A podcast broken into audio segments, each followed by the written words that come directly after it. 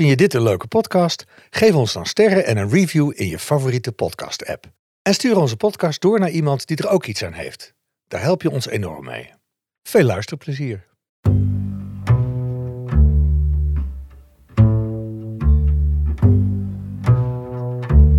Dit is de 100 vrouwen van Marcel met Pablo Cabenda, Marnix van Wijk en Marcel Musters.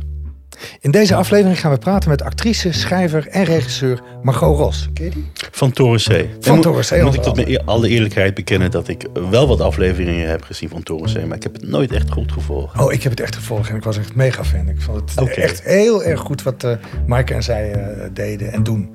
Uh-huh. Ik, ik ken haar al heel erg lang, maar we kennen elkaar niet goed. Ik heb haar veel zien spelen en ik heb haar hele, ja, zo'n beetje gevolgd op afstand. Dus ik ben eigenlijk heel benieuwd ehm, hoe zij mij kent. Ah, oké. Misschien ook gewoon van, van spelen, weet je wel, Ja, dat ze komt kijken. En ze, woonde, ze woont eh, op een pleintje waar de mug heel lang eh, ook aan heeft gezeten, waar we repeteerden. Ah, oké, Ze oké. kwam er regelmatig tegen. En jullie hebben misschien ook nog een ander dingetje gemeen. Eh, zij is een tijdje uit de running geweest. Ja, zeker. door een hele zware hersenschudding. En daar is ze nu ook alweer inmiddels bijna helemaal van opgeknapt. Ja. Dus Ja, ik herken heel veel dingen. Die, die, ik heb een interview met haar gezien met Koen Ver- Verbaak. Een mooi interview Ja. hierover. En daar herkende ik heel veel dingen in. Dat ze, ze kon bijna geen prikkels verdragen. Dat heb Ja. ik ook een hele tijd eh, behoorlijk heftig gehad. oké, dat wordt een heel herkenbaar interview dan. Ja, ik, ik of gesprek benieuwd. moet ik zeggen. Ik ben benieuwd. We gaan het horen. We gaan het horen.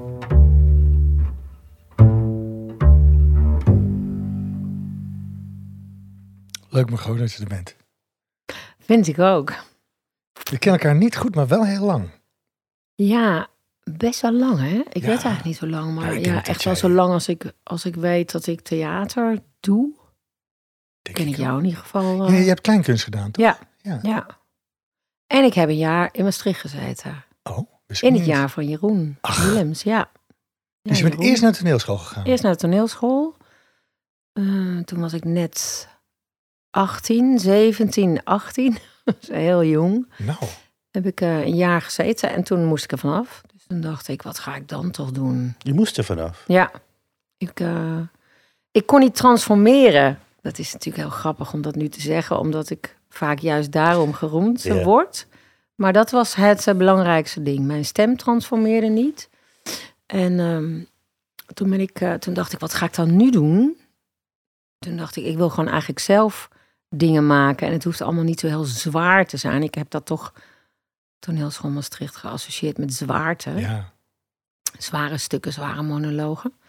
En ik dacht, ik ga naar de kleinkunst. Want je wist wel dat dat bestond. Ik wist dat Nou, nee, niet. dat wist Ja. ik ook niet. Maar iemand uit mijn klas, die ook eh, afgewezen was, die zei, ik ga naar de kleinkunst. En toen zei ik, wat is dat? En toen zei ze, dan mag je zelf weten wat je doet. toen weet ik nog dat ik dacht, oh, dat ga ik nu meteen even onderzoeken. Ja, zo is het gekomen. En Jeroen, eh, hoe, hoe was dat? Op school. Ja? Ehm, ja, hij was gewoon een mega talent. Dat voelde je toen al? Ja, dat, wist, dat, ja, ja. Voelde, dat was gewoon, ja, dat, dat zag je meteen in al die afsluitingen van die lessen. Ik weet ook nog dat ik op een gegeven moment dacht, ik weet niet of dat nog in die tijd was of iets daarna, dat ik dacht, wat fijn dat ik een vrouw ben, dat ik me niet hoef te meten. Want het kwam ogenschijnlijk als vanzelf bij hem. Hmm. En hij had daar zo'n rust in. Wij wilden allemaal ontzettend graag. Want je was zo heel gedreven en heel hysterisch wilden we allemaal spelen. En, en bij hem was het een soort van... Hij straalde uit dat als, als het dit niet was... dan was er ook wel wat anders wat leuk was. Dat was ook gewoon heel erg... toch een beetje om jaloers op te zijn. Ja. Omdat het ogenschijnlijk gemak aangaf. Terwijl hij acht keer toelatingsexamen heeft gedaan. Hè? Oh, you are kidding me. Dat Ja. weet ik helemaal niet. Bizar. Dat weet bijna niemand. Maar hij heeft zeven of acht keer toelatingsexamen gedaan. Telkens afgewezen, alle scholen. En hier, dus Wat- uiteindelijk is hij aangenomen in Maastricht. Ja, Dat is toch gewoon ontzettend goed om te horen. ja toch? Ja, dat is voor iedereen. Ik had. Ik was zover niet eens gekomen. Na twee keer zou ik gezegd hebben, nou, dan ben ik geen acteur. Nou. Jij wil je ja? Ja, ik zeker. Ja, ik was psychiatrisch verpleegkundige, dus ik dacht... Oh ja, natuurlijk. ik wist helemaal al niks van theater, vandaan. weet je wel. Dus eh, Ja. Eh, nou, ik vind dat altijd hele fijne verhalen om te horen, omdat het zo hoopvol is. ja, Een van de grootste acteurs eh, uit mijn periode van spelen is Jeroen. Nou, als die zelfs acht keer is afgewezen, jongens. Ik zou zeggen, als je luistert en je bent voor wat dan ook afgewezen, ga door. Ja, ga door. Als je het voelt van binnen. Ja. En het is natuurlijk moeilijk als je. Ik heb ook wel wel eens gedacht, stel nou voor dat ik echt, want ik heb heel lang ook geen werk gevonden. Stel voor dat ik een bord voor mijn kop heb. Mm. Dat ik gewoon echt heel slecht ben. Ja. En, maar dat ik gewoon heel graag wil. Heb je dat gedacht? Nou, ik heb die gedachte wel gehad. Stel nou voor dat ik het helemaal verkeerd zie. Wie gaat mij dan zeggen van, nou Mago, hè? Het is wel genoeg geweest. nu moet je echt iets anders gaan bedenken. In het begin van mijn carrière heb ik dat wel gedacht. Maar je hebt, op de kleinkunst eh, heb je het ook al gedacht, of niet? Of toen heb je er ja, want ik was absoluut niet de beste van de klas. Ik ben ook blijven zitten. Oh? Dat Wist was tot dan toe ook nooit gebeurd. Nee, Dus daarin accelereerde ik dan. Of hoe zeg je dat? Accelereren. Accelereren, ja. En eh, ehm, ja, dus ik, ik was zeker niet... eh, ik, ik kwam niet echt boven iedereen uit. Ik viel wel op, maar meer door... Ja, de, de, de randgebeurtenissen, zeg maar. Ik kreeg ruzie met schoolleiding. Of ik bleef zitten, inderdaad. Of ehm, ik had hele... Op mijn toelating had ik een hele rare monoloog. Zei iemand... eh, oh, dat zei Boudil de la Parra. Dat was, die zat toen al op school en zat als leerling in de toelatingscommissie. En die zei, maar goh, jij deed aan een hele serieuze... Daar moet ik nu erg om lachen. Hele serieuze monoloog. Kwam uit Maastricht, dus ik dacht... Hè, Oh ja, even goed eh ga je een goede monoloog doen? En ze zei, ik weet nog dat ik dacht, nou, wat, wat is dit voor een wezen? Die komt hier iets heel serieus brengen. Daarna heb ik nog een lied moeten zingen op de auditie en struikelde ik over de microfoonsnoer. Ja, je, soort humor is mijn ding. Ja, en dan daar, eh, uiteindelijk ben ik daarop allemaal aangenomen. dus jongens, ook dat is hoopvol. Maar was je als, als jong, jong meisje of jonge vrouw al grappig? Bijvoorbeeld? Eh, ja, was- eh, ja, dat moet ik dan wel gewoon zeggen. Het voelt altijd raar om te zeggen, ja, ik was grappig. Ehm, ik was als ehm, heel klein, ik denk vanaf mijn vierde jaar al, dat ik doorhad, oh, als ik dit doe, dan gaan ze lachen. oh ja? Ja. dus dat is iets wat je, ja, dat groeit dan vanzelf. Dat zijn dan ehm, omleidingen in je hersenen die gewoon lekker stevig gemaakt worden. Ja. En daar kan je dan op een gegeven moment niet meer omheen. Dus ik heb al, als, toen ik heel jong was al opgetreden eh, op eh, feestjes eh, van de familie. Hè, dan verkleed ik mij en dan deed ik eh, André van Duin na. Ja, en dan ging ik, ik, ik- Toen ik heel jong was, mocht ik mee met een gezin naar Spanje. En daar had je een Nederlands café. En dan zeiden ze: Oh, eh, kan jij dat ook? Ja, dat kan ik. Nou, en dan kreeg ik een gekke jurk aan en een pruik. En dan deed ik André van Duin na. En dan haalde ik heel veel geld op. Waarschijnlijk was dat een tientje, maar ja, dus dan. Je wordt dan zo ge- gewaardeerd om dat stuk. Ik denk als ik in die tijd zware monoloog had gedaan als kind, dan was ik nu een zwaar dramatische actrice. Ik ben blij dat dat niet zo is. ja, het is toch iets. Ja, ik denk als je als kind merkt, daar reageren mensen op. Dan, dan ga je dat herhalen. Ja. Ik Ja. weet dat ik als kind, ik, ik danste graag. Maar dan ging ik op feestjes, bij, voor mijn tantes ging ik dansen en zo. Ja. Tot ik op een gegeven moment dacht, oh dit is gek. Als jongen, dat ik als jongen danste voor, voor mijn tantes. Dus ik ben er op een gegeven moment mee gestopt, soort van bewust. Oh, dat maar ik zij vonden het voelde- wel leuk. Ze vond het hartstikke leuk en ze stimuleerde het ook als we op een camping in, in Zeeland waren. Want er zaten die tantes, hadden daar caravans en dan ging ik dansen. En ze hebben me wel eens als meisje verkleed. Dat vond ik heel leuk om te spelen. Oh ja. Totdat ik echt voelde van, oh, er is iets niet, dat moet ik niet doen.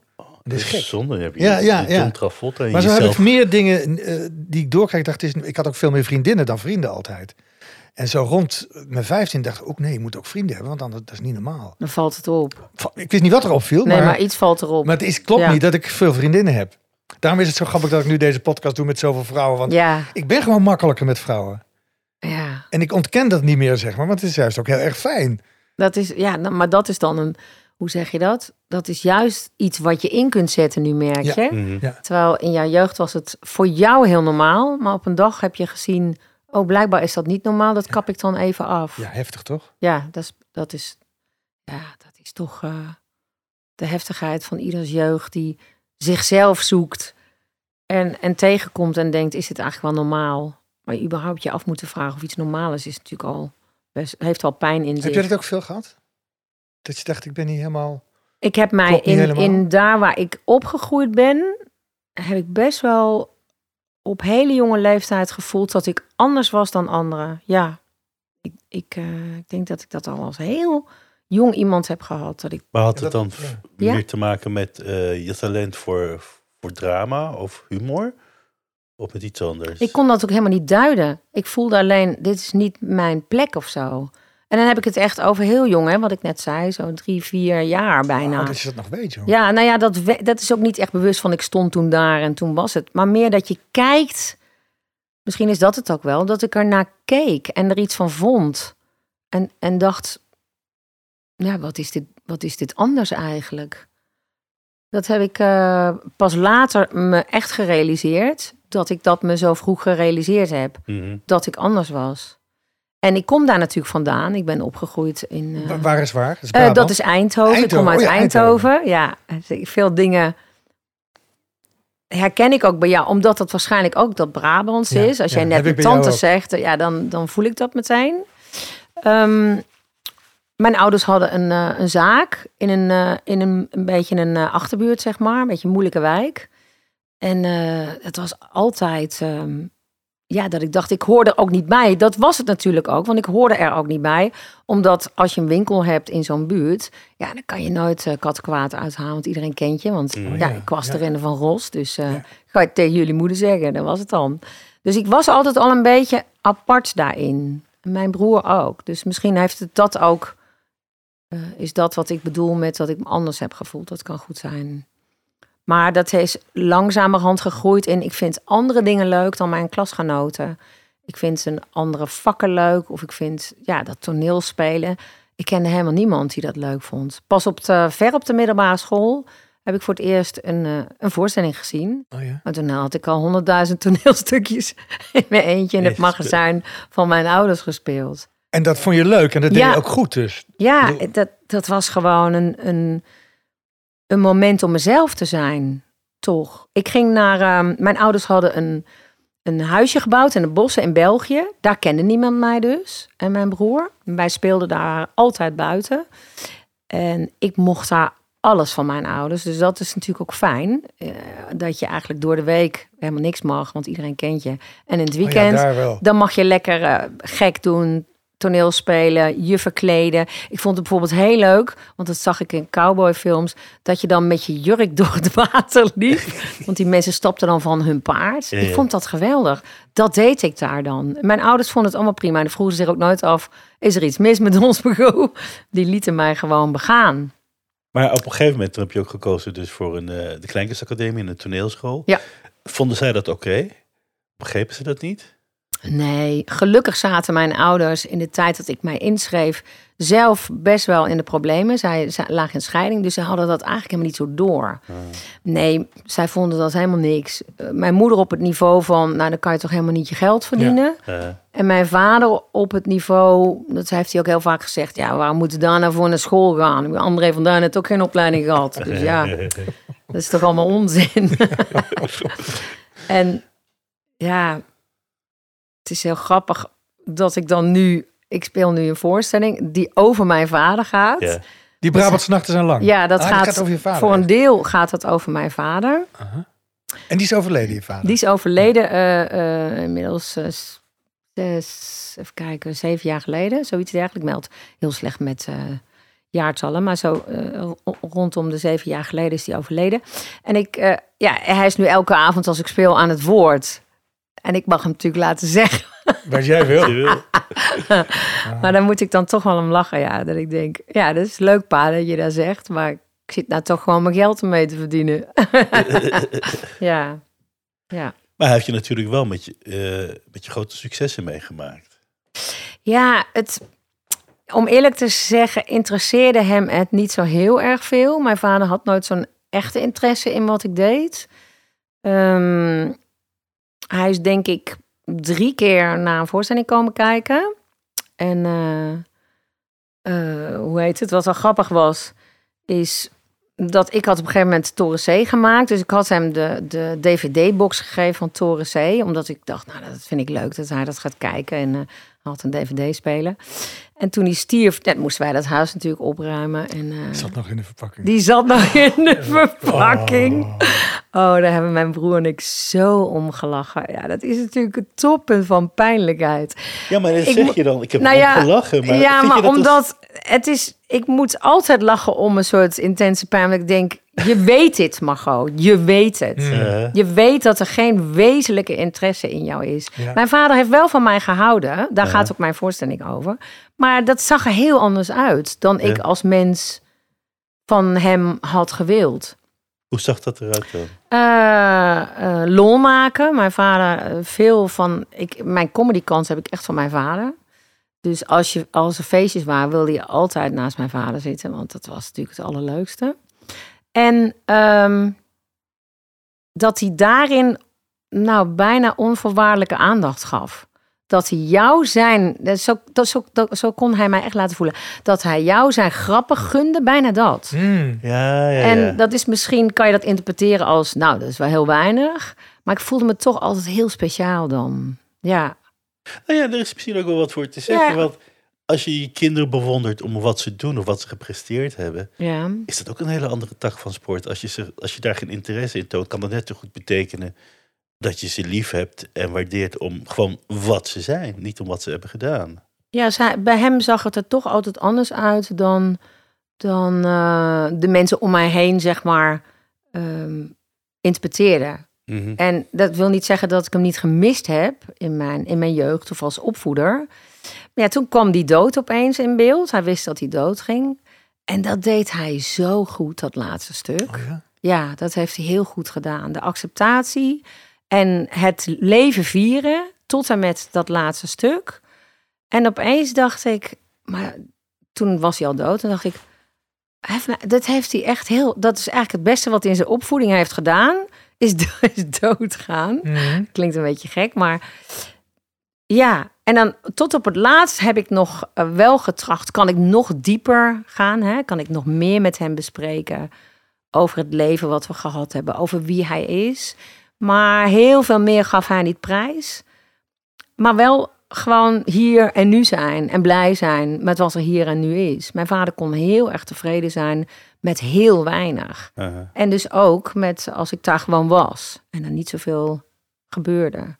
En een kratje bier naar het hospice. En een kratje bier in het hospice, dat klopt, ja. Mijn vader eh, ja, zei, eh, ja, zijn, zijn ding was echt, we gaan het leven vieren. En dat hospice was voor hem echt een soort voorproefje van 's hemels paradijs. Ja.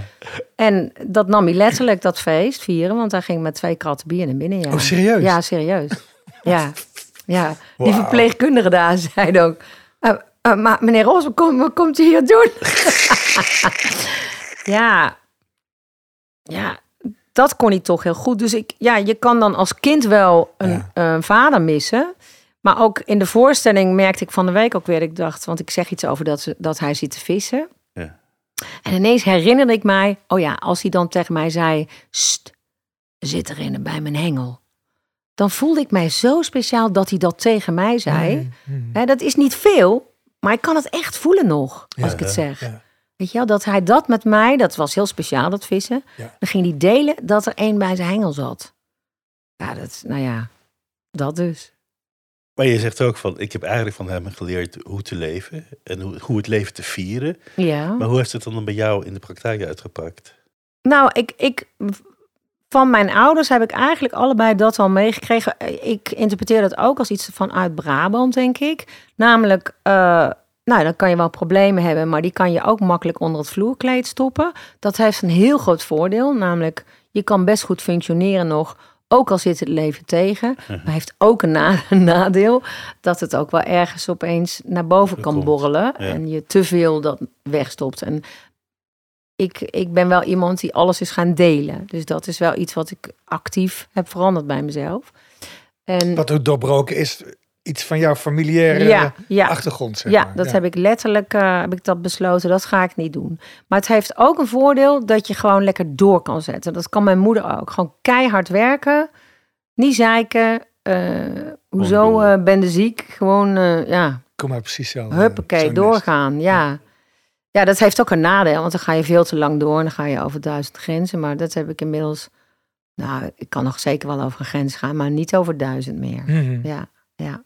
Maar Nou, ja, ik, had, ik had een paar tantes die kwamen één keer in de week kaarten bij ons thuis. Of om de beurt Ja. bij elkaar. bij ons ook, ja. En dan zat ik boven mijn kamer en dan hoorde ik ze vaak lachen, maar ook huilen. Mm, Maar dat was altijd een, een, een, een huil dat die er even uit moest en dan gingen ze weer lachen. Dus het was een soort therapie voor hun, oh, voor die goed. zussen. Dus die hadden allemaal mannen, de alcoholisten vaak. eh, Ja, Ik kom echt uit zo'n familie en eh, allemaal met ingewikkeld, met veel kinderen en zo. En op een of andere manier waren die dinsdagen heel eh, helend. En Hmm. zelfs ook voor mij die boven op mijn kamer dan huiswerk zat te maken. Want er was er geen ruzie tussen mijn ouders, want dan waren die tantes er.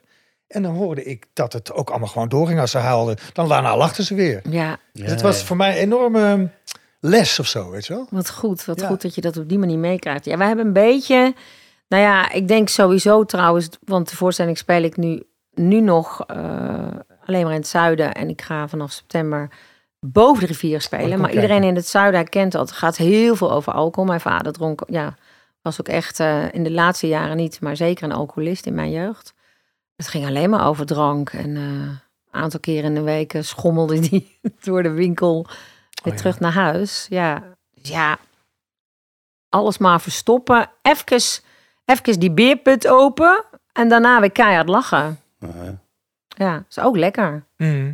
Op zich kan ik dat ook wel trouwens hoor. Ik kan even heel erg huilen en dan is het. eh, dan heb ik, op, dan heb ik opluchting na een paar minuten en dan is het ook weer klaar, zoiets. Is dat ook iets wat heel erg van pas is gekomen met eh, ja, die hersenschudding die je hebt gehad van een paar jaar geleden? Jazeker, het, het feit dat ik altijd vanuit het positieve blijf eh, denken, is daar wel heel erg van pas gekomen, ja. Het feit dat je ja, ook in donkere momenten kan denken, ook hier moet toch ook gewoon een einde aan kunnen komen. Dat je daarin blijft geloven. Bij mij is het glas toch altijd half vol en Ja. niet half leeg. En dat, dat is, eh, Uiteindelijk. ja, Ja. ja, dat, zo kijk ik er toch naar. Ik kan ook, iemand zei ooit tegen mij, Margot, is als je jou in een grot neerzet eh, eh, met, eh, met één doos met spullen, dan heb jij binnen een dag, heb je daar een kleedje neergelegd, zeg je, gezellig hè? Dat kan ik, ja. Pas toen dacht ik, oh, dat is natuurlijk ook gewoon een kwaliteit. Ja. ja. Eh, uitgaande van, dit is er, en dan kan ik het hier binnen deze grenzen, kan ik het weer fijn maken. Dus daar heb ik in mijn ziek zijn, heb ik daar wel profijt van gehad. Ja, dat brein is zoiets complex om van te genezen. Omdat, ja, dat brein heeft al eh, zoveel jaren geleefd en van alles meegemaakt. Dus ook je herstel is zo complex als dat je brein is. Dus als bij mij het glas half vol is, heb ik echt geluk. Want er zijn mensen die, bij wie het glas standaard half leeg is. Die hebben het echt moeilijker als ze zo ziek worden. Dat heb ik me echt wel gerealiseerd.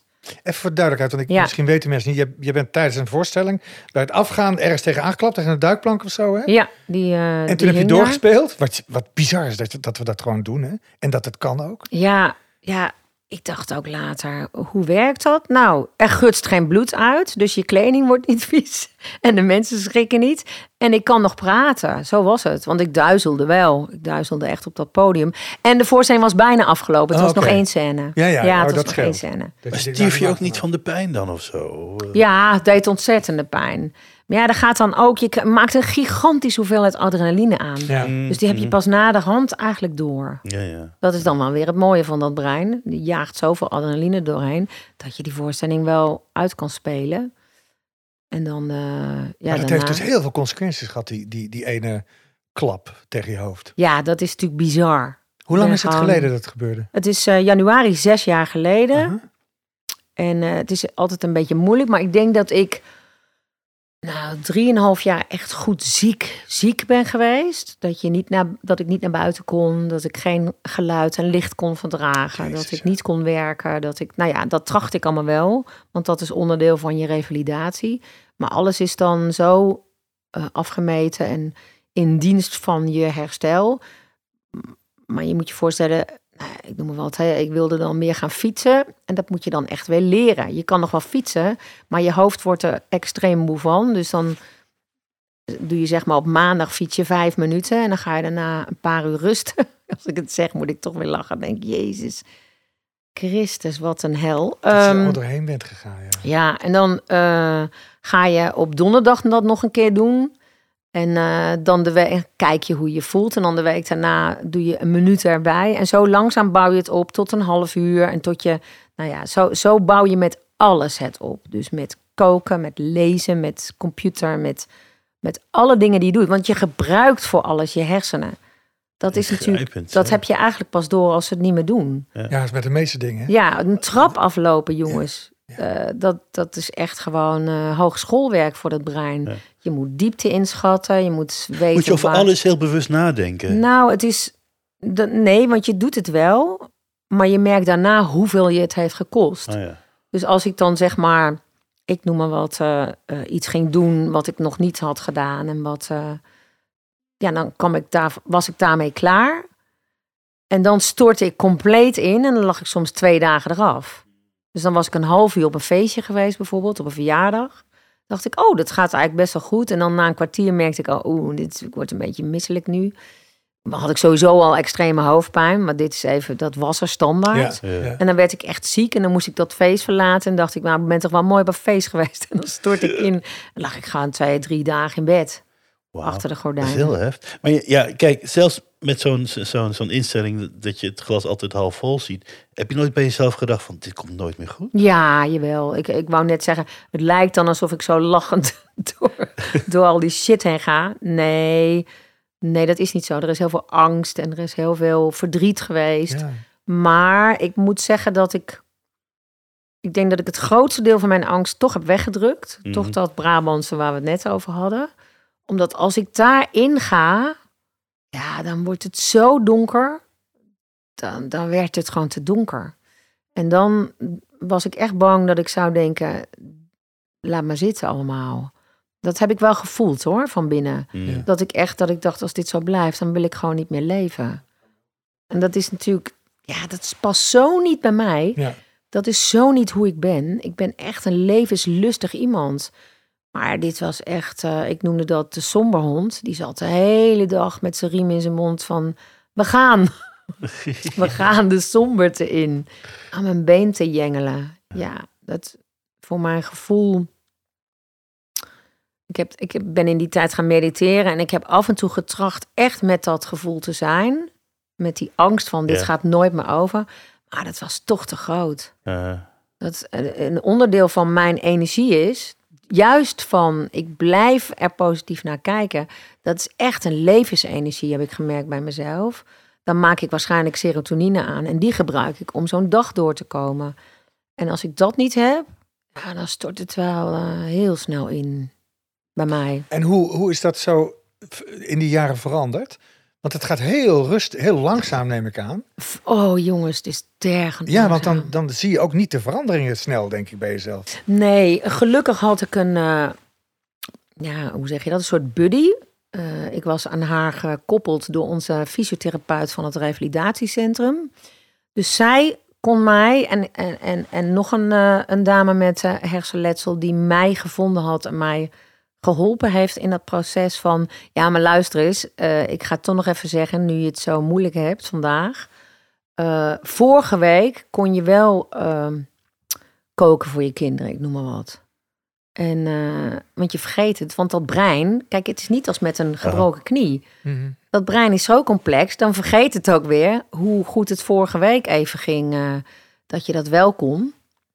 Dus anderen hebben mij daar heel erg bij gesteund om, om het af en toe toch nog positief te blijven inzien. En ik schreef het ook gewoon op en ik plakte het op de muur. Het stond bij mij ook op de muur thuis, komt goed overigens. God, dat doe jij ook. Oh ja? Ja. heb ik heel lang gehad. Ja, nu doe ik niet meer, omdat mijn moeder Nee, nu zegt, hoeft het bij "Het mij ook goed." niet meer. Ja. Maar ik moest nee, het- maar het feit dat, dat, je, Ja. dat je toch lang nog zegt van eh, het komt goed. En als het nog niet goed gekomen is, dan is het nog niet afgelopen. Nee, dan komt het toch nog goed, dan komt maar het toch misschien nog- niet zoals jij wilt dat het goed komt, maar het komt wel goed. Ja, dat is toch... En dat is wel waar. Voor mij werkt dat heel goed om het te zien. Om letterlijk te zien. eh, in de paniek van in je huis zitten en, en door de kamer lopen. Ineens toch op de muur zien hangen. Het komt goed. Is het niet nu, dan is het op een ander moment. Maar je weet, wist, of wist je wel dat dat ooit goed zou komen? Nee, Want voor hetzelfde geld is dat Nee. niet zo, hè? nee, het is totale... Ja, dat is gewoon afschuwelijk, jongens. Ja. Heb je ook niet kunnen werken in die... In die Nee, nee, nee. Helemaal niks. Nee. Nou, helemaal niks. Heel hard werken aan mijn herstel. Want mensen denken dan, hebben zo'n beeld dat je thuis op de bank ligt. Maar revalidatie is gewoon keihard werken. Ik schrijf ook altijd in het boek. Ik heb een boek geschreven omdat ik echt iets hoopvols wilde geven aan mensen met hersenletsel. Want omdat ik het Ja. zelf zo moeilijk heb gehad. Ik kon Mhm. geen boek vinden wat hoopvol was. Hersenschorsing. Het? Hersenschorsing heet het, ja, ja. mooie naam. En ik dacht, ik ga. Ik kon geen boek vinden. Ja, er waren twee boeken geschreven. En die mensen wilden zich echt van de flat werpen. Ja, dat, dat boek hoef ik niet te lezen. Dat ken je wel, ja. En dat kennen we wel. Dus eh, toen heb ik dat gedaan. En als mensen dan willen dat ik iets inzet, zet ik ook altijd. Herstel is altijd in beweging.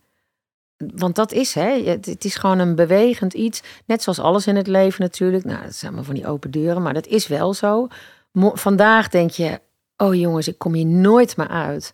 En morgen denk je, nee, maar over een paar dagen ben ik eruit. En dan schrijf ik altijd nog iets positiefs eronder. En altijd dat het goed komt. Omdat het komt van, het is altijd beter dan wat het was, denk ik altijd. Misschien is goed iets te groot. Uh-huh. Maar in mijn ogen kan het altijd verbeteren. Ook nu nog, want Ja. ik ben nog steeds niet eh, 100%. gewoon. Ik ga, nee, dat, dat gaat, wat is, ja, wat is nou de grootste verandering nu met zeg maar zes jaar geleden in hoe je leeft en werkt? Ik ben minder belastbaar. Ja. Dat is echt een hele grote verandering. En lukt dat ook om die belasting tegen te houden? Ja, nou ja, ik word gewoon eh, ziek als ik het niet doe. Of ik, en ik slaap niet meer en ik krijg hoofdpijn en ik eh, kan niet meer begrijpen wat iemand zegt. Dus dat is wel een teken. Maar ik moet dat natuurlijk voor zijn. Mhm. En dat is, wel, dat is wel een leerproces. Ja, ik zou het nog wel beter kunnen doen hoor, jongens, eerlijk gezegd. Maar ik vind het al best wel dat ik een enorme award heb verdiend. Ja, vind ik ook hoor. Want, want van binnen ben ik ook nog steeds. Mensen denken: oh ja, je, hebt het nu je bent nu lekker rustig. Ja, nee, toedeledokie, jongens. Tuurlijk, ik verander ook. Ja. En ik, ik ehm, hoe zeg je dat? Ik geniet, ik ben nu gaan leren genieten van de stilte. Want ik moest eerst in de stilte zijn. Dat vond ik afschuwelijk, maar dat verzet heb je niks aan. Dus je leert dat verzet langzaam los te laten. En nu kan ik genieten van, hè, het is stil. Ja, ja. Maar ja, Nu waardeer je het ook. soms heb ik ook geen zin om mij terug te trekken. En dan wil ik wel van alles doen. En dan wil ik wel naar dat ene feest waar mijn vrienden zijn. En dan kan ik niet. Of dan wil ik wel die klus aannemen omdat ik dat werk leuk vind. Maar dat kan niet, want dat is te belastend. Ja, dat is wel dat afgepaste, afgemeten leven. Dat vind ik niet echt fijn. Hmm. Nee. Maar je doet nu weer van alles. Jawel, maar dat is allemaal afgemeten. Ja. Ja. Vroeger, ja, ik ben ook helemaal niet zo iemand die. Je hebt mensen die van nature alles bedenken hoe ze het gaan doen en vormgeven. En ik, ik gooide me vroeger, ik kon me overal ingooien. Dat was ook het leuke van mij en van mijn leven. Dat kon ik ook allemaal. Nou, nu gaat dat niet meer. Dus ik moet heel goed nadenken. Wat kan ik doen? Wanneer kan ik het doen? Hoe lang kan ik het doen? Hoe kom ik daar? Hoe kom ik terug? Moet ik daar slapen? Moet ik daar rusten? Hoe laat ga ik rusten? Oh, nou, ik word ja. al nu moe van als ik het zeg tegen jullie. Hmm. Maar dat is wel het leven Ja. geworden. Ja. En ik ben super dankbaar, jongens, want ik hoor mezelf dit niet allemaal klagen, maar het feit dat ik kan werken, dat is, ja, da- daar ben ik elke dag, daar ben ik gewoon, daar kan ik gewoon emotioneel van worden. Daar ben ik elke dag dankbaar voor. Hmm. Mhm. Ja. Maar dat verbaast me dat je dat dus kan. En zeker, je doet nu een solo dus. Ja. Ik denk, wauw, what the Nou ja, fuck. dat Hoe- is ook iets wat ik helemaal niet ambieer. Maar ik dacht, straks moet ik die voorstelling afzeggen. En dan heeft iemand geen boterham. En dat was al een paar keer gebeurd in mijn, eh, in mijn ziek zijn. Die, die voorstellingen stonden er al, die moest ik afzeggen. Ja, ja, Dat, is heel, dat vind ik heel heftig. Dan heb ik daar weer een schuldgevoel over, dus dat, dat wil ik niet. Dus ik dacht, ja, dan maar met de billen bloot. In je eentje. En dat heb ik best wel, hoe zeg je dat?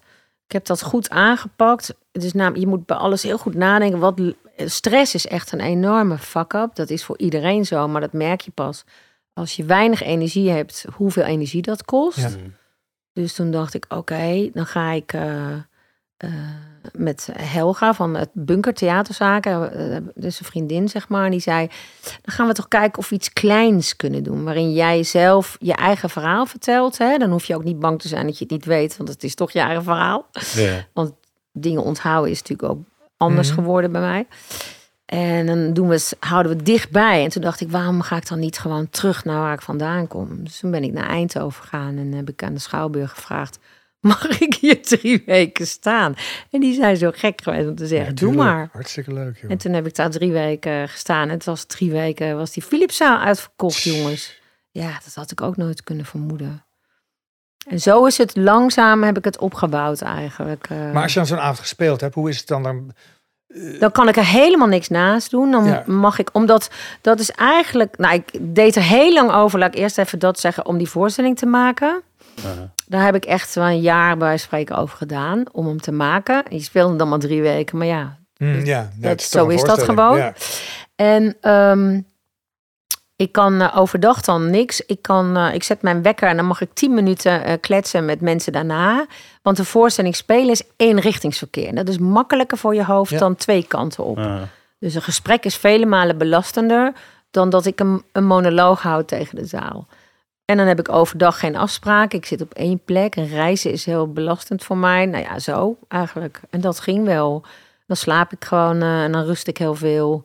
Ik kan inmiddels echt, als ik niet slaap, want ik lig ook heel lang wakker, kan ik echt urenlang liggen zonder te denken, godverdomme. Heeft yin yoga jou daarbij geholpen? Ja? Want ja. hoe kwam je op dat pad, dat je dat, je dat ging doen? Ehm, ik was eh, altijd alleen in de tijd dat ik ziek was. Want ik kon, je kan dan ook geen vrienden en zo Ah. ontvangen. Want dat is eh, ja, vijf je minuten of tien over, minuten. ja, wat zei je? Daar voel je je daar wel schuldig over? Ja, het is een soort self-fulfilling Ja. prophecy Ja. met alles. En ik miste alles en iedereen. En toen dacht ik, oké, ik moet dus mijn adrenaline zo snel mogelijk afbouwen. Dat is eh, afbreken, als het ware. Ik geloof dat ik dacht dat ik daar het meeste last van had als ik iemand had gezien. Dat je stresslevel omhoog gaat. Hè, dan kreeg ik nog meer hoofdpijn. En dan was ik daarna heel moe.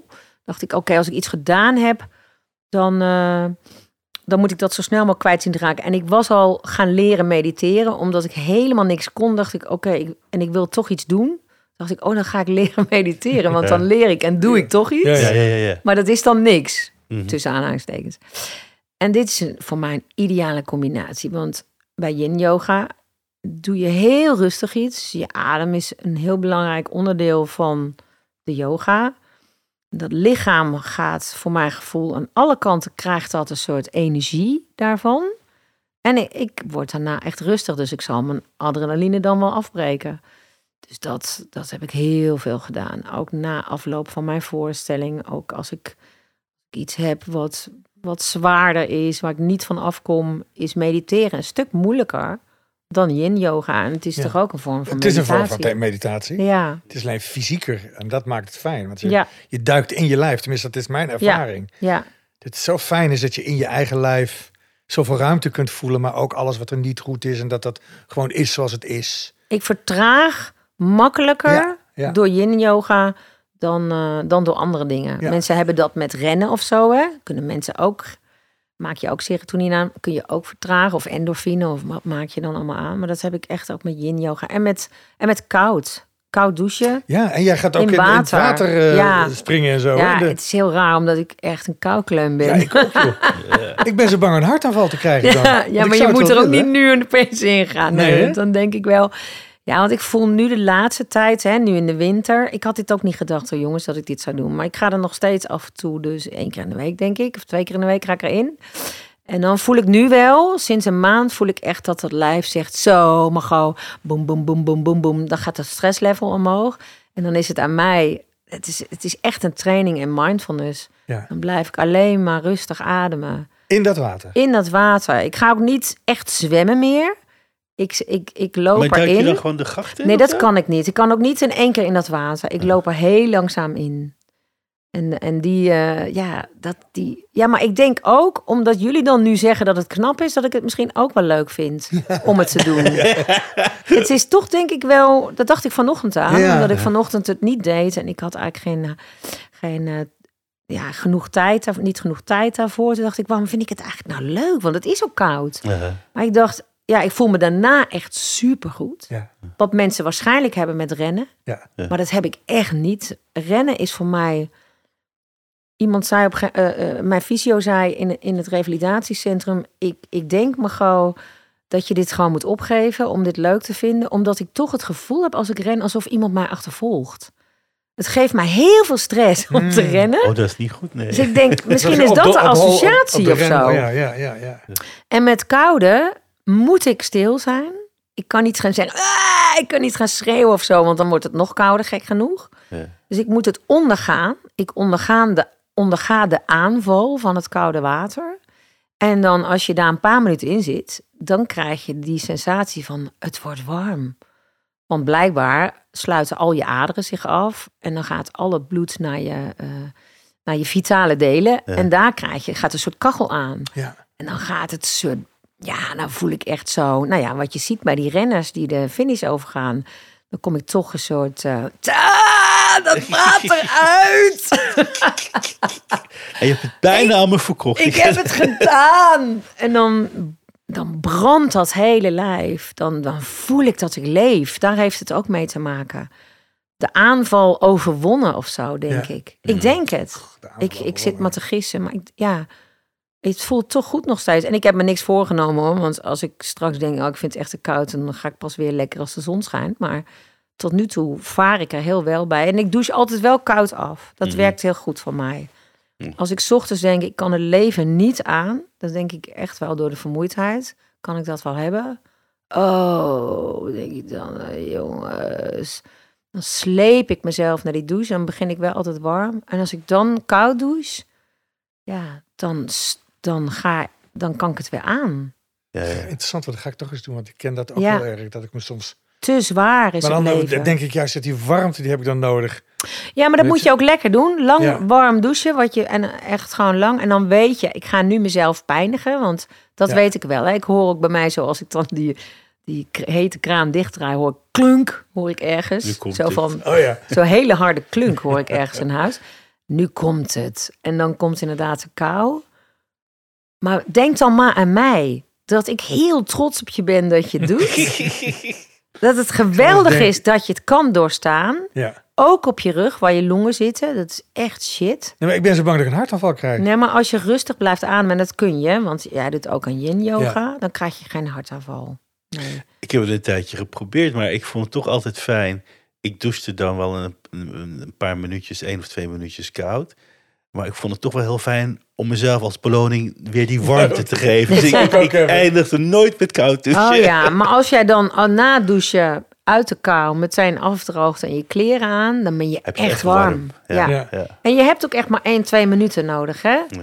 En het is, het is heus niet zo dat hoe langer je eronder staat, dat het beter is. Je moet het wel op je voorhoofd doen, want daar zit de meeste zenuwen, Mhm. een grote zenuwbaan. En die werkt heel goed om je stresssysteem, eh, hoe zeg je dat? Het, nou ja, duik ik in, het parasympathisch zenuwstelsel Mm. aan te laten gaan. Dus dat is een ontstresser als je dat doet. Koud water in je gezicht. Daarom gooi, gooien ze in films altijd bij hysterische vrouwen een glas water in het gezicht. Want dan word je meteen stil. Dan Ja. gaat meteen dat andere werken. Dus dat moet je wel doen. En als Ik je heb wel eens brain freeze gekregen van die koude douche. Hebben we dat nooit gehad? "N- n- Wat nee. dat het gevoel, het soort van... eh, Dat, wat je ook krijgt als je heel snel ijs eet, weet je wel? Dat Ja. het Ja. en dan Zo. gaat branden. Maar eh, je had er niet zeg maar een uur eronder gestaan. Nee, nee. nee, joh. Nee, dat had ik nooit overleefd. En het Nee. zakt ook wel weer weg, maar dat had je wel iets van, Oh. eh, oké, even er doorheen. Ja. Nou, als je denkt, ik wil niet koud douchen, doe het dan in je gezicht. Maar, maar wat jij net zegt, eh, Marcel, over dat je 's ochtends wakker wordt en dat het heel zwaar is, dat lichaam wil eigenlijk alleen maar in een hol terugtrekken. Ja, ja. Ehm, dan heb je het ook nodig. Hè? Dat is natuurlijk wel zo. Je moet wel even denken, heb ik te hard gewerkt? Of, maar soms is het ook gewoon je psyche die het echt even te zwaar heeft. Weet je wel? Dat maakt het ook moeilijk omdat je denkt, ik moet eigenlijk gaan bewegen, maar je wil niet bewegen. Maar het is wel goed voor je hoofd om dan toch te gaan wandelen. Nou, dat, dat is ook met die douche. Dus dan sla je maar gewoon een slag eh, koud water in je Nou, ik wandel elke ochtend met de hond, s ochtends om zeven uur. Oh ja, Dan, ik, ik moet echt, met moeite haal ik met, uit, moet ik uit bed komen. ja, Op het moment dat ik loop buiten, is, is, is er al verandering. ja dat Dan, is... En dan ben ik een uur aan het lopen, want dat is echt een hele lekkere route. En dan gebeurt er van alles in me. En dan uiteindelijk kom ik thuis en is het goed. Kijk, maar dat is, ja, dat is natuurlijk geweldig. Ja. Dat is gewoon super knap van je. Ga Ja. ik toch even jou ook eh, je endorfine geven nu. Ja, dankjewel. dat is super knap. Als je elke dag, ook Ja. als je je slecht voelt, Altijd. toch uit je bed komt en gaat wandelen. Want ik, ik begreep nooit wat mensen doormaakten die, die het zwaar hebben psychisch gezien, omdat ik daar gewoon nooit last van had. Maar sinds mijn hersenletsel snap ik dat echt. Ik, ik ging me steeds slechter voelen en ik zou niet weten waarom. Het was gewoon zo. Mhm. Ik werd steeds zwaarder. Ik ging echt duizend kilo wegen soms. Maar had jij dat vroeger niet? Nee, helemaal niet. Dat heb ik echt niet in me, jongens. Niets. Niets van Want dan dat. was je te druk met alle dingen die je... Of, eh, dat Ik kon, ik kon wel, ik bedoel, ik, ik, heb, ik ontmoet wel zware dingen in het leven, maar ik kon er altijd mee omgaan. Mm. Maar depressie is echt iets anders, heb ik nu gevoeld. Ik begreep die mensen nooit. Toen zei ik, ja, maar joh, de, de zon schijnt. Laten we buiten gaan lopen en Waar met ons gezicht in de zon staan. Ja. Het komt goed, zei ik dan. Maar met sommige mensen komt het gewoon dan niet goed. Ja. En dan is, dat heb ik nu pas gemerkt, dat dat van, dat is van een andere planeet. Dat trekt je lijf naar beneden en je hebt er geen vat op. Ja. En daarom is het goed dat je toch die fysieke, dat je jezelf aanzet om wel te gaan wandelen. Het toch gewoon te doen. Namens natuurlijk een hond heel erg goed, Ja. want die, die moet. Ja. En, eh, en, en dat je daarmee jezelf eruit haalt. Maar is dat er uiteindelijk dan ook een verrijking voor jezelf geweest? Dat je inderdaad tot de conclusie bent gekomen van... kijk, dit, zo kan ik ook zijn. Ik kan ook gewoon een heel somber persoon zijn. Of is het alleen, eigenlijk alleen maar de nadigheid die is overkomen? Nou kijk, eh, mensen vragen dat best wel regelmatig. Hè? Het heeft je natuurlijk ook wat gebracht of zo. Maar laat ik eh, toch even heel duidelijk zijn. Dit had ik voor alles van de wereld willen missen. Ja, Ja. ja, ja. Absoluut. Ja. Echt helemaal niemand eh, gun ik dit. Ja. Zelfs mijn er- ergste vijand niet.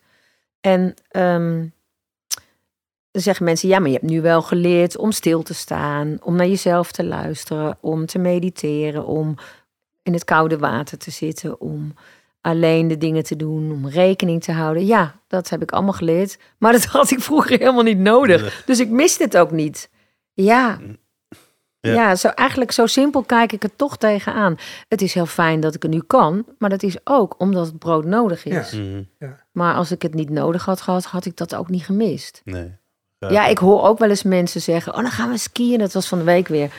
Hè, met het gezin en de kinderen. En dan kan ik daar ook een soort fantasie over hebben. Oh, wat leuk. Zou ik ook wel willen, want ik kan helemaal niet skiën. Maar ik hou ook helemaal niet van skiën. Dus het is gewoon het idee van, oh, de ideale mens die kan skiën en dan met vrienden en familie en de last Christmas. nou, dat, dat is niks voor mij. Nou, dat is ook met mediteren. Dat, zo keek ik er ook al tegenaan. Dacht ik, oh, die mensen kunnen rechtop op een kussen blijven zitten heel lang. Zou ik ook wel willen kunnen, maar ik had er totaal geen behoefte aan, jongens. Maar, maar dan iets heel anders, hè? Dan, Ja. Niet skiën en niet mediteren, ook, ook al doe je mediteren. Ja. Eh, maar gewoon teruggaan naar je leven als actrice. Zoals je dit gewoon voor je hersenschudding deed. Want Nu doe je natuurlijk nog wat dingen, maar op een wat lager niveau. Dingen dat je die kan Mhm. behappen. Maar heb je dan misschien toch nog een beetje... Mis je een beetje dat, dat, dat werken dat, op een hoger niveau met meer energie? Zou je dat nog wel willen doen?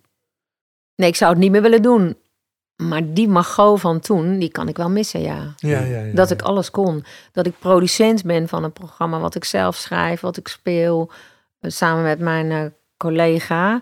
Dat is iets, dat kan ik gewoon niet meer. En dat is wel, Nee, dat kan niet meer. nee, dat kan ik echt niet Dat meer. voel je ook echt, Dat is ja. gewoon te hard werken. Dat. Maar dat kan je niet eh, verlangzamen. Het, Nou ja, het is televisie. Het Ja. is gewoon een soort hysterisch snelle wereld. Ja. Ik weet, ik heb dat nog niet gevonden in ieder geval. Misschien komt het nog voorbij.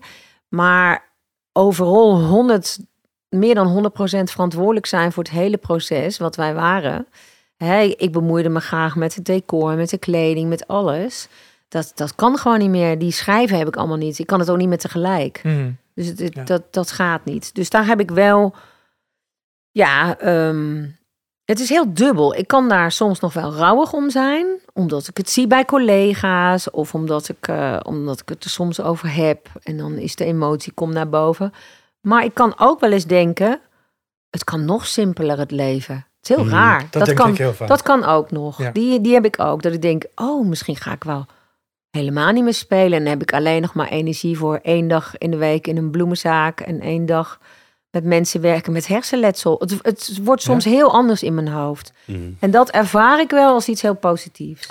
Omdat dan kan ik ook dingen loslaten. In die zin, dan hoef ik niet per se iets. Ik moet nu dit. Ik kan nu makkelijker op een ander spoor gaan zitten en denken: misschien is het, is, het, is het niet erg als het een hele andere vorm krijgt. Nee, en, en het mooie is, je hebt natuurlijk zoveel interessante, leuk. Je hebt het allemaal wel kunnen doen. Ja, Dat wat je als die jonge vrouw wilde, Ja, dat is dat allemaal ja dat heel is wel heel gegaan. bijzonder. Ja, dat is heel bijzonder. Dus, dus, Ja. dus eh, dat heb je toch maar in je rugzak zitten. Zeker, daar ben ik ook heel dankbaar voor. Ja. Ik had laatst maakte ik een grap, omdat eh, ik had het met iemand over de dood. Zei ik, nou, ik kan nu eigenlijk gewoon sterven. Dat kan niet, want ik heb twee kinderen Ja, die ja. zorg nodig hebben. Eh, maar ik ben, voor mijn gevoel heb ik wel heel veel bereikt wat belangrijk is. Ik heb heel veel mensen laten lachen. Ja joh, en, En nog ik, heb, steeds. en ik heb heel veel mensen hoop gegeven door überhaupt door mijn hersenletsel heen te komen en, en daar een boek over te schrijven. Nou, die twee dingen vind ik eigenlijk best wel reden genoeg om te gaan nu. je hebt je ding gedaan.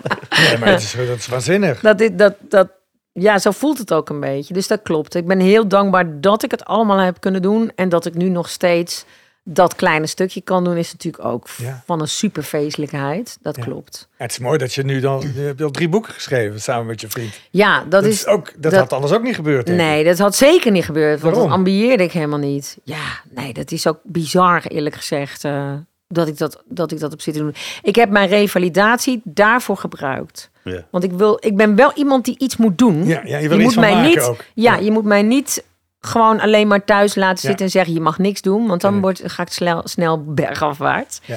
En, ehm, en dat ik, dat ik dan een verhaal mag schrijven, nu ook met Agathe. De, de, ons tweede boek van Agathe is net uit. Agathe gaat viraal. Dan ontmoet ik mensen nu, want we gaan nu die boekwinkels langs. En ik ben natuurlijk toch een acteur. Dus je wil je publiek ontmoeten. Hè? Dus er staat dat Mm. publiek komt naar ons toe in de winkel. Die hebben die eerste gelezen. En er was gisteren ook een mevrouw, die schoot gewoon vol. Die zei, het is zo heerlijk om te lezen dat, dat het zo hoopvol is. Mm. En ik heb er zoveel plezier aan gehad aan dit karakter. Ik heb zelf mijn man verloren. En te zien dat het leven dan niet ophoudt, heeft mij heel veel gebracht. Nou ja, jongens, dat kan mijn week niet meer stuk. Ja, dat, dat, is, dat, dat, dat ik dat nog steeds kan doen, dat is wel belangrijk, vind ik. En of dat nou is door een boek schrijven of door, eh, weet ik veel, les te geven of door eh, straks misschien eh, toch weer terug te gaan naar die groentezaak. Mijn ouders hadden eh groentezaken, dat ik dan gewoon groenten ga verkopen. Het maakt niet uit. Ik wil kennelijk mensen blij maken. En, en dat is wel iets wat ik moet blijven doen. Dat voel ik wel. ja. ja, het is eigen voeding. Dus ja, dat, dat is echt de voedingsbodem, ja. En het kan ook maar één iemand zijn, hè? Ja. Ik bedoel, als ik naar mijn vriendin Filipien ga, die, waar ik mee gerevalideerd heb, en zij heeft gewoon een pleurisdag omdat ze het echt, die, die heeft het echt een stuk moeilijker dan ik. Die heeft een CVA gehad, dus dat is echt andere, Mm. dat zijn andere verhalen, zeg maar. En dan haal ik haar ergens uit. Jongens, ik zei, dit doe ik, want dan bedankt ze mij. En Ik vond het zo heerlijk dat je langskwam. Ik voel me helemaal goed. Ik zei, maar dit is echt eigen. dit is gewoon omdat ik dan serotonine aanmaak. Ja. Omdat ik jou heb blij gemaakt. Dat schijnt ook serieus zo ja, te maar zijn, dat hè? geloof ik ook. Maar Het werkt beide kanten op. Het Ja, ja, vrijwilligers. Ja. Vrijwilligers worden ouder, hebben minder last van hart- en vaatziekten. Ja. Dus als jij, eh, zeg maar, eh, oud wil worden, eh, zonder dat je last krijgt van je hart, dan moet je vrijwilliger worden. Want je Ik maakt andere mensen blij. Ja. ja, nou ja, wa- wat jij doet, ook nu met je bonbonactie. ja, ja, dat is het een beetje ook. Dat is gewoon. eh, ik had, ik moest daar nog aan denken gisteren. Ik had vorig jaar, volgens mij was het vorig jaar, denk het wel, dat ik eh, meedeed aan de actie en toen hadden we even contact met elkaar, jij en ik. En toen zei jij, ik kan ze tot dat dan en dan inleveren. Maar of ik of jij had je vergist in die datum. Dus ik had ontzettend veel bonbons. die moet je zelf Dat is heel opmaken. geestig, ja. Ik had ik echt nog tassen vol bonbons. En zei, oh nee, het zal te laat zijn al weg. En toen zat ik, Ja, het was een heel grappig moment, want ik zat met al die bonbons. Die moesten naar die mensen, zei ik tegen mezelf. Maar die moeten naar die mensen die, die daar in Breda, of eh, ik weet niet waar, waar Vught, het precies, in ja. Vught. Oh ja, een Vught, ja. Maar toen, dat was een heel grappig moment, want ik dacht, oh, maar ik kan ook mensen blij maken. Precies. Dus toen heb ik op straat, dat was de eerste die ik tegenkwam, zei ik, ik heb een doosje bonbons voor u. Oh, wat Oh, wat goed, man. Die vrouw, ik weet dat die vraag zo keek van, alsof er gif in zat, hè? Want ja, je zit in Amsterdam, ja. dit is gewoon, dat kan niet dat iemand... Ik zei, maar kijk, ik heb een hele tas vol, die zou ik... Ik moest echt het hele verhaal erbij vertellen. Dus toen heb ik een aantal mensen Ja, op straat, leuk. oh, daar heb ik ook zo van genoten. Dus dat, ja, dat is toch, zeg maar, eigenbelang. Dat je lief bent voor een ander. Ja. Maar dat komt bij jezelf terug. Dat is Oh, heel fijn gevoel. toch? Dat is echt een fijn gevoel. Maar wat leuk dat je het doet, want dat is wat ik hoopte nou. Dat mensen, ik, net nu is er een vrouw in Groningen die ook zelf bonbons inzamelt voor plaatselijke dingen in verschillende plekken in Nederland. Ja, Dat is ook leuk, want ik hoef dat echt niet allemaal te doen. Die, die bonbons Nee. die ik heb, is meer dan genoeg. Iedereen kan gewoon zelf ja. zijn kleine actietje doen. Al doe je twaalf doosjes Eh, het bejaardenhuis op de hoek, weet je ja wel. toch? Ja. Hartstikke leuk. Heerlijk. Ja. Ja, vrijwilligerswerk is leuk.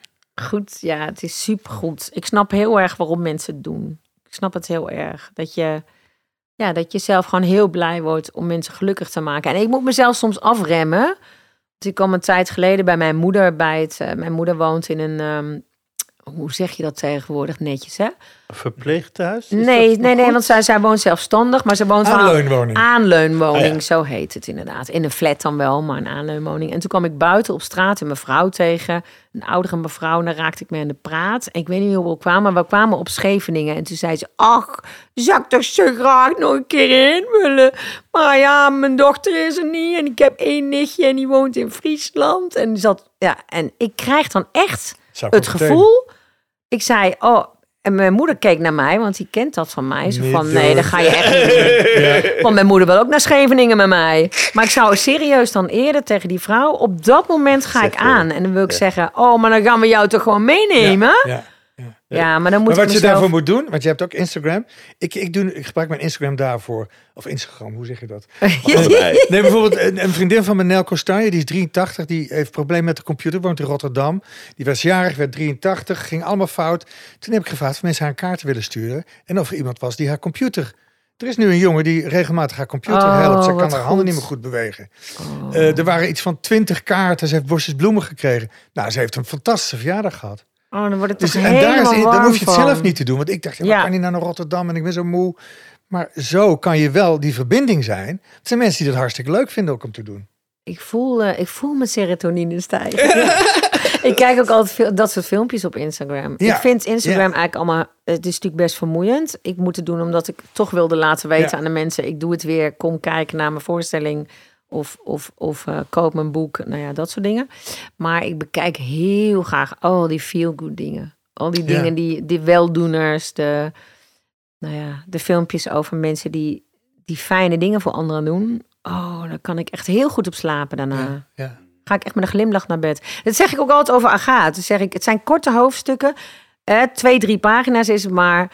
Lees het voor aan elkaar in bed. Of doe het voor jezelf. En ga val met een glimlach in slaap. Het is toch Leuk. te Want heerlijk even, voor even voor de woorden. goede orde. Agaat en Agaat gaat viraal. Ja. Of noem maar maar Agaat Noem maar Agaat. hè? Ja, zij, Ja. Zij, zij heet Agathe. Ja. Maar ja, eh, ehm, het, het is een, een boek. Nee, ik moet even zo beginnen. Want ze begint vanuit iets heel positiefs namelijk. Ja. In de coronatijd liep ik met mijn vriend door het park. En er zat een mevrouw op een bankje. Een oudere mevrouw van een jaar of 70, 80. Ik geloof, in ons boek is ze 78. Maar... En zij zat daar met zo'n hele chique koffie op dat bankje. En wij raakten aan de praat. En toen bleek zij net haar man te hebben verloren. Maar zij was zo levenslustig. Zo positief stond zij in het leven. En die vrouw bleef maar een beetje bij ons. In onze gedachten in de dagen daarna. En toen zeiden we tegen elkaar. We gunnen eigenlijk iedereen wel zo'n agaat. En het was natuurlijk een hele negativiteit. Dus wij dachten, we hebben zin in iets positiefs. Toen hebben wij... Nou ja, we dachten, we gaan van haar een, een, eh, een karakter maken in een roman. Zij krijgt een vriendschapsrelatie met een, eh, een jonge Marokkaanse jongen, Karim heet die, in, die in zijn tussenjaar zit. Die krijgen een hele bijzondere vriendschap samen. Ehm, en in het eerste boek eh, gaat hij haar helpen op zoek te gaan naar een, een jeugdliefde. En nou ja, je bent erbij hoe ze elkaar steeds beter leren kennen. En nou, dat is dan echt een feel-good roman. Hè?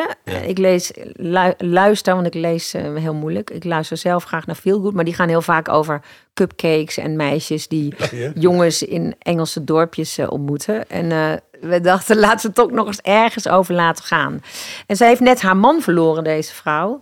En langzaam neem je, nemen wij je mee als, als lezer in haar rouwproces. Maar ook hoe ze zichzelf bevrijdt van haar rouw. En steeds meer zichzelf wordt. Dus eigenlijk wordt zij een puber en hij wordt volwassen, Karim. Ja, ja. En in het tweede boek ehm, gaan ze op zoek naar een. Zij heeft een. Dat is een beetje een spoiler voor de mensen die de eerste nog moeten lezen. Maar ze heeft een, eh, een, eh, een kind in haar jeugd moeten afstaan.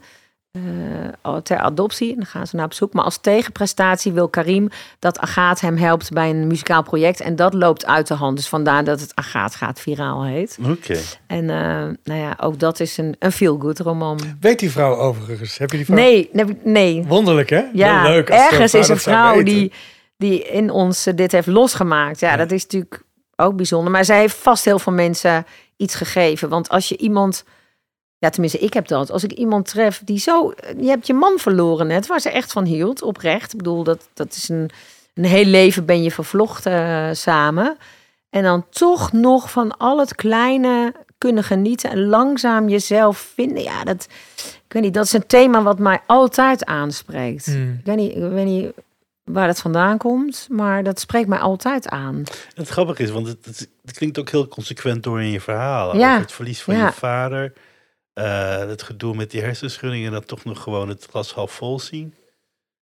Ik weet niet wat dit allemaal betekent. Ja, nee, eh, het is zeker iets wat altijd terugkomt. Ik zit te denken of ik het... Het heeft zich natuurlijk wel verdiept sinds mijn, eh, sinds mijn ongeluk. Dat is Mhm. absoluut een feit. Dat dat nog meer is. Mhm. Dat ik nog meer wil prediken. Daar kan je iets heel ergs overkomen. Maar dat is niet erg. Want hierna kan toch ook weer het licht gaan schijnen. Mhm. Er is altijd licht aan het eind van de tunnel bij mij. Zo. En als het Wat er niet is... ook zo is. Nou, en als het er niet is, dan doe ik, dan doe ik gewoon keihard de 100 TL-bakken aan. Ja, precies. En dan doen we wel alsof het de zon is of zo, Ja. weet je wel? Ja. Ja. Ik moet heel erg denken aan, de- aan dat personage van jou, Els. Els van Torenzee. Dat is eigenlijk, Ja, dat ben jij in het, ja, in In het het, kwadraat. ja. in het grappig. Ja, dus het was er altijd al trouwens. Ja, Ja, ja, ja. want dit, dit Komt Torenzee goed is hoor, van ja, daarvoor. doe zoiets. Ik- ik- Het is altijd aangekend, nog zo erg hebben mensen, maar het komt altijd goed. Komt goed. Ja, ik heb Els heel vaak gehoord in mijn eigen Ja. hoofd toen ik ziek was. Ik geloof het. Ja, het is gewoon, ook als ik eenzaam was, dan dacht ik, ach, dan komt ze binnen, gaat ze even de was doen en dan zet ze daar G op. Gewoon een totale. Ik heb gewoon een heel groot inlevingsvermogen. Dus als ik denk, oh, wat is het dit? Een pleurisdag. En ik denk aan Els die bij mij binnenkomt. Dan doe ik mijn ogen dicht in mijn huis. En dan hoor ik de voordeur open gaan. En zet ze boodschappen neer. En joe, ik ga je even draadjes vlees opzetten. Kan ik oprecht blijer van worden. Ik heb er heel lang... Er zijn wel vaker mensen die tegen mij hebben gezegd... oh, je moet iets met Els doen. Want iedereen wordt er blij van. Ja, ja, ja. Het is ook, Dat, is ook echt. Ik word heel vaak, dat, ja, dat is ook leuk van mij, voor mij. Ja. Loop ik op straat en, och, och, daar redden er. Ja. Och, ik word toch zo blij van Els. ja, En het feit dat er ergens een personage is wat alles kan zeggen wat het goed maakt. Ook al is het, ook al lig je in scheiding, ook al ben je ziek, ook al heb je een rotdag, ook al is je baas vervelend. Dat is heel fijn. Alleen tot nu toe heb ik gewoon de energie niet gehad. Dus, maar als, als jij, op het moment dat jij Brabants gaat praten, ga ik sowieso ga meteen zo aan. mee. Ik ook trouwens. Ja. Ik heb ook in de voorstelling, doe ik als moeder na, maar ik doe natuurlijk als moeder, die praat helemaal niet zo. Maar iedereen denkt, en mijn moeder zo praat. Maar ik vind het zo heerlijk om alles uit mijn jeugd een stem te geven. Ja. En ik weet niet of het is, want ik heb niet echt een liefdevolle jeugd gehad. Ik weet, mijn ouders hielden echt wel van mij, maar die hadden gewoon, die waren heel druk, jongens. Die hadden zelf een pleurisleven, Ja, laten we wel wezen. Ja. Die kwamen echt niet, die kwamen zelf uit een liefdeloos nest, werden geslagen. Ik weet niet, mijn vader, mijn moeder heeft altijd keihard en keihard gewerkt. Ik zeg ook in de voorstelling, zij had gewoon een plaatje, die, die komt er meteen in boven mij, Petrus. En die heeft gewoon een emmer sop bij zich en die gaat de ramen lappen voor meneer de stoor. Dat is gewoon als moeder. Ja. Dus, maar misschien het feit dat we het niet hebben gehad en het nu kunnen doen in onze moerstaal, dat er iets, iets zacht wordt van binnen, iets zalvends is. Ja. Als, ik, als ik nou zo praat en gewoon tegen jou zeg, maar jongske toch, wat doe jij toch allemaal zo goed? Ja? Dan voelt dat zo, dat gaat nog dieper dan dat ik Het is mooi dat je zeg. zegt zacht, want dat is precies wat ik Ja, voel als ik die scènes zie, maar ook als ik zelf, met die- dan wordt er iets zachts. ja, En dan kan eigenlijk alles gezegd worden, de Ja. ergste dingen. En ook, ik laatst las ik weer, humor is overwonnen droefheid. Toen dacht ik, ja, dat is eigenlijk wel hele mooi. En ik, dat, dat zou best boven aan mijn lijstje mogen staan. Want Ja. dat is wel iets wat bij mij, daar komt het bij mij altijd wel vandaan. Uit de pijn van Ja. het leven maak ik Mhm. graag mijn humor. Ja. Dat, ja. Om het draaglijk te maken het- uiteindelijk. ja. Niet alleen voor jezelf, maar ook Misschien voor zijn wij diep van binnen wel de grootste depressievelingen die Nou, dat ik nodig denk ook, hebben. want ik denk ook te herkennen in jou dat je ook een zware jeugd hebt gehad in jezelf. Ja, het is, ik had, was daar niet zo bewust Precies. van. Ik sloop me daar gewoon voor af. Ja, En het is, ja, ik, eh, ja, wat is zwaar? Er zijn mensen die natuurlijk honderd keer zwaarder gehad dan ik. En dus, eh, als mensen mijn voorstelling zien, zeggen ze, oh, is dat echt waar? Dat kent toch niet? Kom jij daar vandaan? Ja, ja, maar ik ervaar mijn leven niet als liefdeloos in mijn jeugd. nee. Tuurlijk heb ik dingen gemist, maar toch, ja, ik weet niet. Het is toch altijd een beetje of, of de ene kant op of de andere kant op. Er was liefde, maar het had andere vormen. Nu zijn we helemaal terug bij het begin van het Hmm. gesprek. Het kan hele andere vormen hebben, de liefde die je krijgt. Ja. En dat is het soms moeilijk in je jeugd, omdat je bij vriendjes en vriendinnetjes ziet. Dat leven wil ik ook. Dat ziet er anders uit. En langzaam ontdek je, het enige wat je moet doen is jezelf ontdekken en vertrouwen blijven hebben. Dat je je eigen leven zo mooi gaat maken als dat je zelf wil. Ja. Mhm. Je eigen lieve mensen om je heen vergaat die, Juist. die je dat vertrouwen kunnen geven. Ja. Wat zeg je dat mooi? Dit was eh dominee. Nou, dat is wel, want dit wordt 29 december uitgezonden. Heb je nog iets voor het volgend jaar wat je de mensen toe zou willen wensen? Nou, ik zou iedereen willen vragen om, om lief te zijn voor een ander. En dat niet per se iemand die je kent. Dat is natuurlijk ook goed, hè? wees daar ook lief voor. Maar ook gewoon van mensen die je niet kent. Ik merk Mhm. dat dat een enorme Ja. grote draad, draadkracht, rijkwijde. Ik wilde alles door elkaar zeggen. Als je, als je aardig bent voor onbekende mensen op straat of een, of een praatje maakt en even iets positiefs zegt, dan voel ik altijd die rimpeling heel ver gaan op de een of andere manier. God, het is jammer, want ik heb eigenlijk nog zoveel dingen te, te- over de Torenscene, over Maaike. de- maar ja, we, we moeten gewoon stoppen. We hebben, we hebben het over andere dingen We hebben het gehad. over andere dingen gehad, precies. Ja, want heb je nog dingen waarvan je dacht, god, daar, daar, daar had ik nog, wel- daar wil ik het wel over hebben? Nou nee jongens, zit gewoon lekker te kletsen met jullie. Ja. Nee. Ik, en misschien hebben die luisteraars denken, godverdomme, hebben ze niks over Torenzee. Nee, maar weet je wat ik wel ga zeggen? De luisteraars mogen, omdat het dan een eind, eindejaarsuitzending is, ja. ehm, vragen insturen. Oh leuk. En dan gaan we een keer antwoord geven. Ja, dat is De leuk. vragen die Dat mensen hebben. leuk. Dat vind ik leuk. Dan kom ik gewoon gezellig terug. Maar je mag ook nog, Oh ja. eh, dat is altijd eh, de standaard de eindvraag van Marcel. Mag je nog even vertellen of er nog iets is dat je op latere leeftijd hebt geleerd en nu aan de jongere generatie wilt doorgeven? Nou, eigenlijk heb je die ook wel gedaan. Ja. Nou, misschien Het was, Nou, ja. wat wel goed is om te melden, is soms heb je geen verklaring voor of je wel of iets niet wil doen. Zeg ik dat goed? Ja. Of je iets moet doen of wil doen. Soms is daar geen verklaring voor, is het gewoon een gevoel. En ik zou willen zeggen, dat is niet erg dat je er geen verklaring voor hebt. Je kan ook tegen die ander zeggen, je werk, iemand die een project met je wil doen of iemand die eh, iets van je wil, kan je ook zo zeggen. Nee, op dit moment eh, voelt, voelt dat niet oké. En er geen verklaring voor hebben. Mhm. Ik heb veel dingen gedaan omdat ik dacht, ja, wat moet ik dan zeggen als ik het niet wil? Want ik, ik weet niet wat ik nou moet zeggen. Maar soms is het ook gewoon goed om nee te zeggen en zeggen, ik weet niet waarom, maar het voelt gewoon niet goed nu. Ja, ja. Punt. Dat had ik wel iets eerder willen weten. ja, dat is goed. Een hele goeie. Dankjewel voor het gesprek. Vond het leuk, jongens? Ja, hartelijk bedankt. Ja. Oh, schatje. Ja, als kusje. Ja. Dankjewel, hè. Jij bedankt, bedankt. Dit was de 100 vrouw van Marcel met Margot Ros. In de volgende aflevering praten we met de 12-jarige Ella Jean. Zij is de dochter van een vriendin en intussen ook eh, ben ik een soort oom van haar geworden. En zij werkt mee aan de podcast door elke week, of elke, eh, voor elke gasten, een mooie striptekening te maken, want ze kan prachtig tekenen. Daar gaan we het zeker over hebben. Tot dan.